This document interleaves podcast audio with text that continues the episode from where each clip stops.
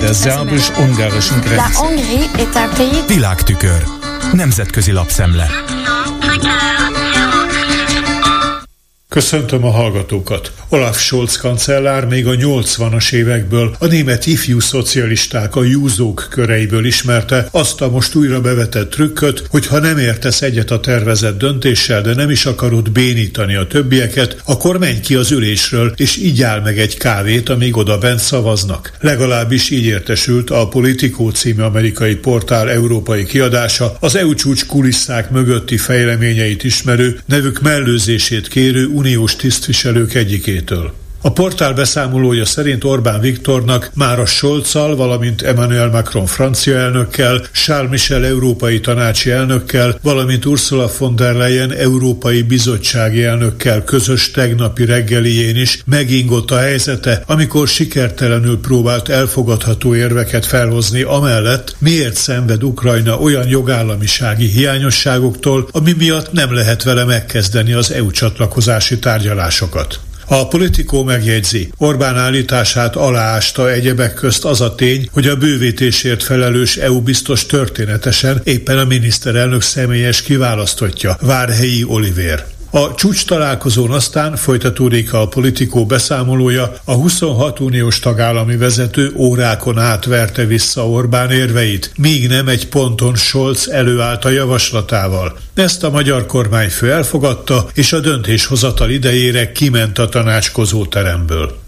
A Scholz által javasolt és megvalósított eljárás a portál szerint Brüsszelben szemöldök összeráncolást váltott ki, és a csúcs találkozón jelenlévők közül senki sem tudott felidézni olyan esetet, amikor korábban ehhez az eszközhöz nyúltak volna. A politikó emlékeztet arra, hogy a 2021-ben kancellárrá kinevezett Olaf Scholznak az európai porondon való szerepléséről eddig jobbára a csalódottság hangján szóltak. Bírálói szerint taktikai érzéket, tárgyalókészséget és kommunikációs képességeket illetően alaposan felülmúlta őt hivatali elődje Angela Merkel. Most viszont Volodymyr Zelenszky ukrán elnök az X közösségi portálon mondott köszönetet Scholznak, úgymond személyes erőfeszítéseiért. Egy ukrajna párti blogger külön bocsánatot kért a kancellártól, amiért korábban oly sokat viccelődött rajta.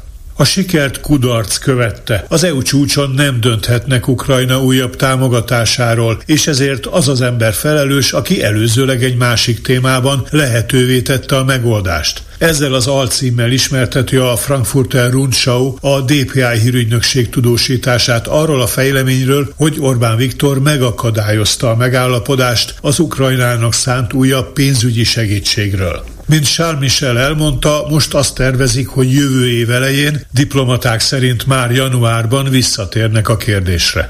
A brüsszeli fejleményekről szóló cikkében a New York Times hangsúlyozza, a magyar vétó elmaradása nyomán megkezdhető ukrán-EU csatlakozási tárgyalásokról tudni kell, hogy az ilyen egyeztetések akár egy évtizednél is tovább szoktak elhúzódni, és a belépni kívánó országnak számos reformot kell megvalósítania. Ukrajna előtt most az a kihívás áll, hogy sikerüljön biztosítani az országnak a kilátásba helyezett 50 milliárd eurót. Orbán, aki miatt a korábbiak során halasztás szenvedett néhány Oroszország elleni uniós szankció, és akit Vladimir Putyin legszorosabb szövetségesének tartanak az EU-n belül, azt mondta, hogy csak a jövő nyári európai parlamenti választások után kellene segítséget nyújtani Kievnek, írja a New York Times, és hozzáteszi, Ukrajna ekkora késlekedést még képes lenne kezelni, hiszen az uniónak enélkül is rendelkezésére állnak támogatási források. Ha pedig Orbán beváltja fenyegetéseit és megakadályozza a tervezett csomagot, a többi 26 egyetértő EU tagország még mindig létrehozhat egy ilyen célt szolgáló pénzalapot. Kétségtelen persze, hogy ez nehézkes megoldás lenne.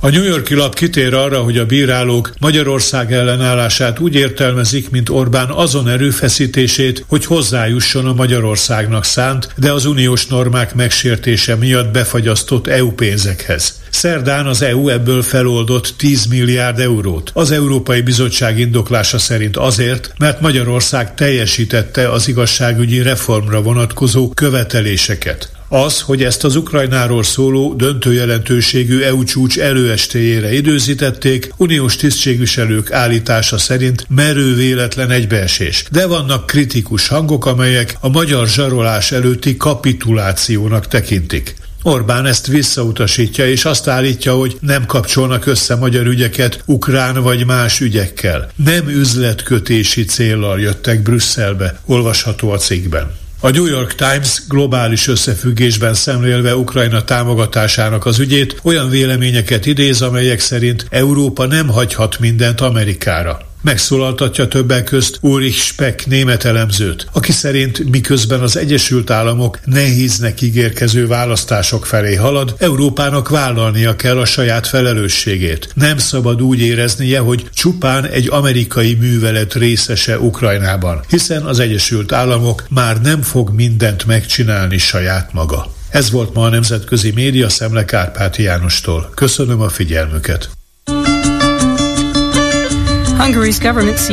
Der szerbus-ungarischen Grenze.